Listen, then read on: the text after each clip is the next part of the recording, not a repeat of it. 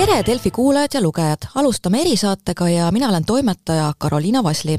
ja täna on meil telefoniühendus Ukrainaga. täpsemalt räägime eestlase Harriga, kes on juba seal pikemat aega paigas ja oma meeskonnal tegeleb sellega, et Ukraina võitlejatele kaitsevarustust edastada. tervist! hallo, tervist!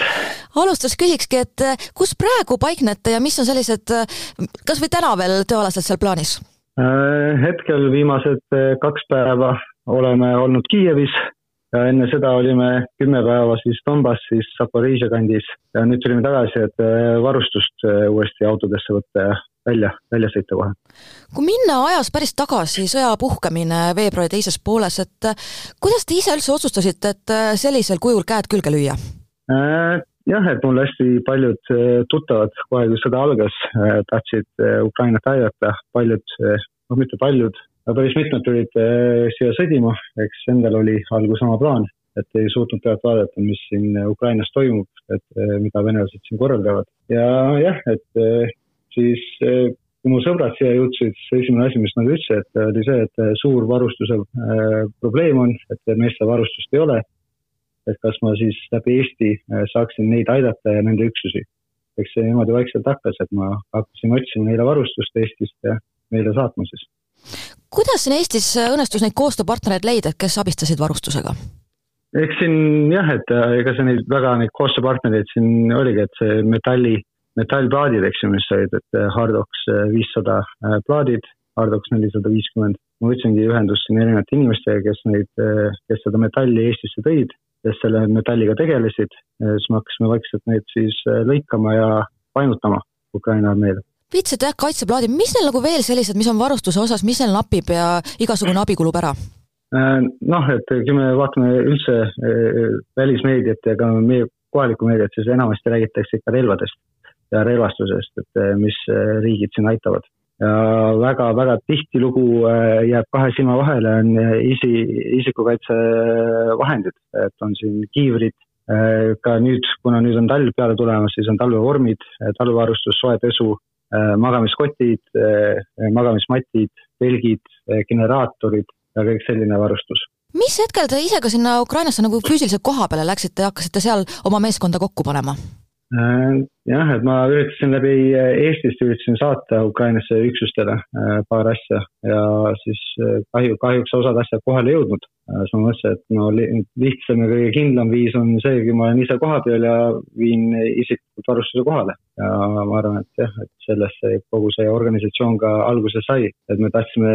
muuta äh, seda logistika osa siin lihtsamaks, et need üksused, kellega me ühenduses oleme, et ka need üksused meie käest otse varustuse kätte saavad, et meil ei olnud siin äh, vahelülisid, et ladusid. rääkige natuke jah, sellest organisatsioonist ka lähemalt kui palju nüüd juba mõttekaaslasi, kellega koos tegutsete, on? Äh, organisatsiooni ma lõin aprilli alguses, aprilli esimesel nädalal äh, ja siis läbi Twitteri, kuna ma hoidsin jah, et Facebookist eemale, et Eesti on väike riik, seal juba mitmed MTÜ-d äh, olid äh, tegelenud selle asjaga, siis ma ei tahtnud kellelegi varaste peale astuda, siis ma avasin endale Twitteri konto. Ja hakkasin läbi Twitteri seda asja ajama, et globaalsemalt. Ja kohe alguses inimesed nägid, et ma tulin tuhande kahesaja metallplaadiga Ukrainasse, äh, äh, põhimõtteliselt jah, viis tonni kaitseplaate ja siis ma panin Twitterisse pilti üles, lugusid, et äh, mis ma siin teen. Ja inimesed hakkasid abi pakkuma. ja praeguseks hetkeks on meil viiskümmend viis vabatahtlikku üle maailma, kahekümne kuuest erinevast riigist, kes siis aitavad siin finantsosaga, sotsiaalmeediaga, logistikaga ja nii edasi aga rääkideski sellest logistikast, et kuidas see praegu ka, kust see varustus peamiselt tuleb ja et kui, kui keerukas ongi, et see jõuaks siis punktist A punkti B ehk siis ka kokkuvõttes sinna eesrindele? No üks, üks asi, mis me, me olime ühed esimesed, kes hakkasid tegema, me te, äh, tegime Amazon, äh, Amazon wishlist'i, et äh, panimegi üles Amazoni selle soovilisti, et mis USA, mis, mitte USA, aga mis on siis Ukraina sõduritel vaja. ja inimesed siis läbi USA selle Amazoni saidi hakkasid antud varustust ostma ja meil on USA-s, on meil Floridas, Sarasotas on meil ladu nüüd me oleme avanud ka Amazon Wishlisti Saksamaal, kus meil on ladu, meil on Poolas ladu, eh, läbi mille siis eh, kõik asjad tulevad Ukrainasse ja meil ladu Kiievis ja Dnipros. ja ma saan aru, et äh, ise ka siis pidevalt käitegi kohal, viite, viite need sinna kohale, kuidas, kuidas see sõdurite tagasiside on et ilmselt tänutunne väga suur? Jah, et noh, et see on üks, üks asi, mis ma ütlesin jah, et see Amazon wishlist, et me ka muud varustust, et kui me räägime siin öövaatlusseadmed, kiivrid, siis keraamilised kaitseplaadid, soojuskaamerad, droonid, muud asjad, et need me üle maailma ostame, olenevalt siis see kohale toimetamise ajast ja ka hinnast, eks. Ja noh, sõdur, sõduritel muidugi, et kui me siin ise isiklikult asju kohale viime, neil on tänu, tänutunne on suur, et, et selle inimese küsija, et, et millal sa viimati puhkust võtsid, ei olegi võtnud. ja siis küsitakse, kuidas sa suudad, et kuus-seitse kuud jutti iga päev äh, seda teha. see ongi just see, et kui meestele selle varustuse kohale viid, et sa näed seda tänutunnet, sa näed neid emotsioone, et ka kõige lihtsamad asjad, eks ju et sa annad mehele kiivri, meestel on pisar silmis, et keegi tuleb äh, nullrindele, seal suurtüki tule all põhimõtteliselt ja toob meile kiivreid, asju varustust, mis neil vaja on. jah, seda on kestnud väga pikka aega, et viimasel ajal oleme küll kuulnud äh, Ukraina edusammudest, aga üleüldiselt olukorrast, et jah, praegu räägitakse relvadest, aga kas see kaitsevarustuse asi siiski siiamaani natuke logiseb seal korraldus, et on tõesti vaja kõrvalt palju aidata? no ma arvan, et see noh, et eks ta iga päevaga aina paremaks läheb ja just äh, väiksemad organisatsioonid, äh, meie täidamegi neid äh, lünki, et siin valitsused jah, et nad tegelevad rohkem suurtemate tarnetega ja Ukrainale, et siin me räägime relvastusest ja kallimatest asjadest, aga noh, hea, muidugi relvastus, hea relvastus võidab sõda, aga kui sul lõppkokkuvõttes ei ole mehi, on ju, kes seda relvastust kasutab, siis see ei ole ka kasulik. me üritame siin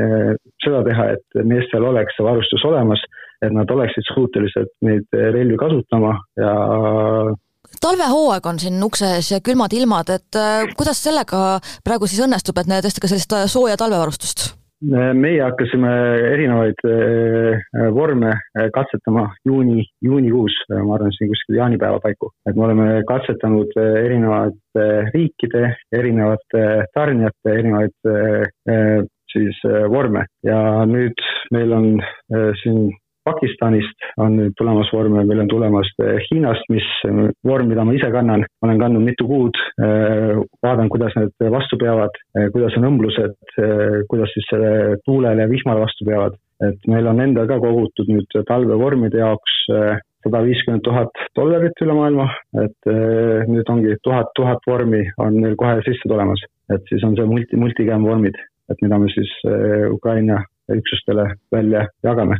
aga noh, tuhat vormi on tegelikult, äh, on vähe, sellepärast et meil on ametlikku päringuid on äh, vormidele kuskil seitsme-kaheksa tuhande vormi kandis üksustel. enne mainisite, et ega ise puhanud väga ei olegi, ei ole ka plaanis, et ilmselt ka lähedased äh, päris murelikud, et kuidas, kuidas see läheb, aga et endal ei ole selliseid olukordi tekkinud, kus tõesti on reaalne oht elule ja tervisele? Mm, on tekkinud küll. jah, kahjuks siin just kaheteistkümnendal septembril meie sõbrad, äh, kes viisid varustust eesliinile, äh, nad olid siis selles hallis tsoonis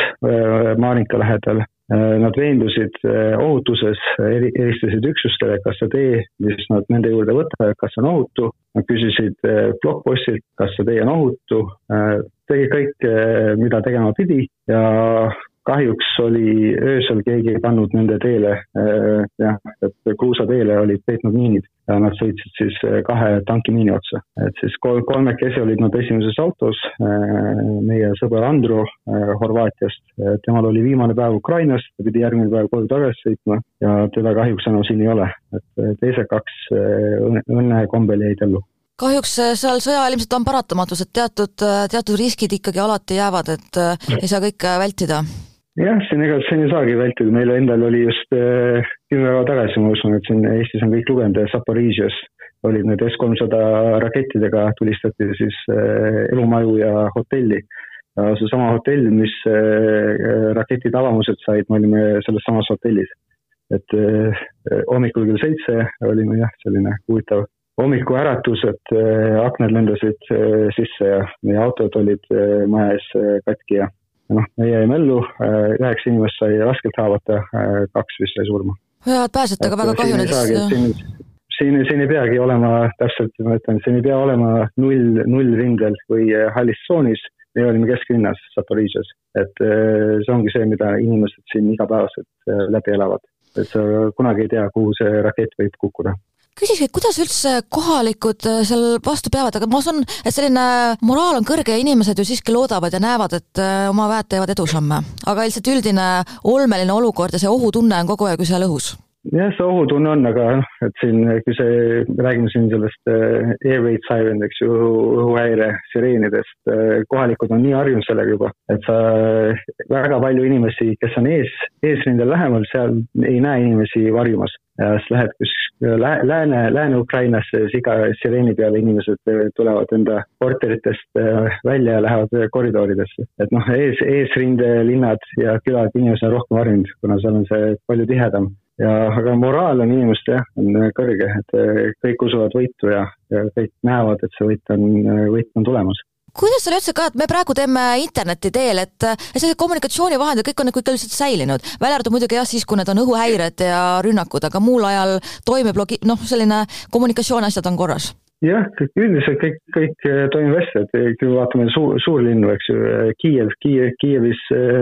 Kiievis on, elu on täiesti normaalne täpselt, nii nagu igas suurlinnas, et on ummikud ja et kõik poed on avatud, see ongi see, et õhtul, õhtul kell üksteist on siis komandanditund hakkab pihta, hommikul kella viieni kestab ja jah, et see on elu, elu, elu toimib ja ka ees, eesrindel on internetiühendus olemas imekombel. kuidas, kuidas siin Ukrainas on õhuhäiretega, et noh, Kiievis on hästi palju strateeg-, strateegilisi objekte kui õhuhäire tuleb ja Ukraina armee ei ole tuvastanud, kuhu rakett võiks kukkuda, siis nad GPS signaalid, asjad, internetisignaalid ja mobiilsidet, nad häirivad selleks hetkeks, nad ei ole tuvastanud, kuhu kohta rakett võib kukkuda. ja, ja kuidas ka rakettidega siin toimib, et kogu, kui Ukraina armee ei ole tuvastanud, kuhu rakett, mis suunas ta lendab, siis saab terve Ukraina saab õhuhäire ja kui nad suudavad ära tuvastada, mis regiooni rakett suundub, siis ainult see sama regioon saab õhuhäire ma saan aru, et ega mitte suisa isegi igapäevased, vaid võib-olla ka need mõne tunni tagant, et neid õhuhäireid on väga palju? Jah, noh, Kiievis nüüd ei ole, täna, täna oli see ühe, ühe korra on olnud, et äh, siin, kui ma olin Zaporižžjas, siis Zaporižžjas oli äh, vahet pidama, pidamatult oli õhuhäire ja sama oli ka Dnipros, et äh, seal see õhuhäire põhimõtteliselt seisma jäänudki, et hommikust õhtuni on sul iga, iga, iga poole tunni tagant on õhuhäire kas kohapeal olete suhelnud ka veel teiste eestlastega, kes on, ütleme seal Ukrainas abi, võib-olla osad ka siis tõesti võitlemas? jah, on, tean ka mehi, kes on võitlemas, mehi, kes on haavata saanud, mehi, kes on kahjuks enda eluga siin Ukrainas jätnud ja ka abiorganisatsioone, et on meil siin West for Ukraine on Raivo ja Martinen, kes on siis ka tuulitööd teinud Eestist kaitsevarustust sõja algusest saadik Ukraina armeele toonud. Nendega me teeme ka koostööd, et nemad aitavad ka meie varustust Eestist Ukrainasse toimetada ja siis me koos oleme seda varustust laiali vedanud, kui nad kohal siin on. ja veel lõpetuseks ka, et kes lugejad, kuulajad tahavad ehk natuke rohkem teada saada, et kust nagu jälgida saab, saan aru, et Twitteri kontolt peamiselt jah, seepärast mul kahjuks ei ole aega äh, olnud, et Facebookis äh, eestikeelseid postitusi teha, ma tean, et seal on tähtis äh, just kui me vaatame, et annetajate poole pealt, aga kahjuks jah, et hetkel on mul aega ainult Twitteri jaoks, Twitteris on igapäevaselt postitame pilte, videoid, kui me oleme varustust meestele viinud ja enda tegemistest ja samas ka meie Twitteri kontolt leiab kõik võimalused, et kas siis läbi selle Amazoni, et siis varustust otse osta, meie toimetame kohale või siis rahaliselt meie tegemisi toetada ja annetada, et siis me saame ise varustust osta, kas siis talvevormid, öövaatlusseadmed, droonid, autod ja nii edasi. aga samas võib noh, me avasime nüüd hiljuti enda Youtube'i, et Ukraine Aid Ops, Ukraine Aid Ops. seal on küll ainult kolmsada jälgijat, aga sealt võib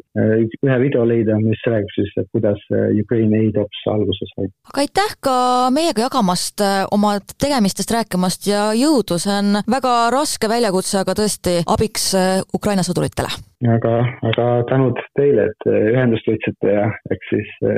võiduni, Slava Ukraini!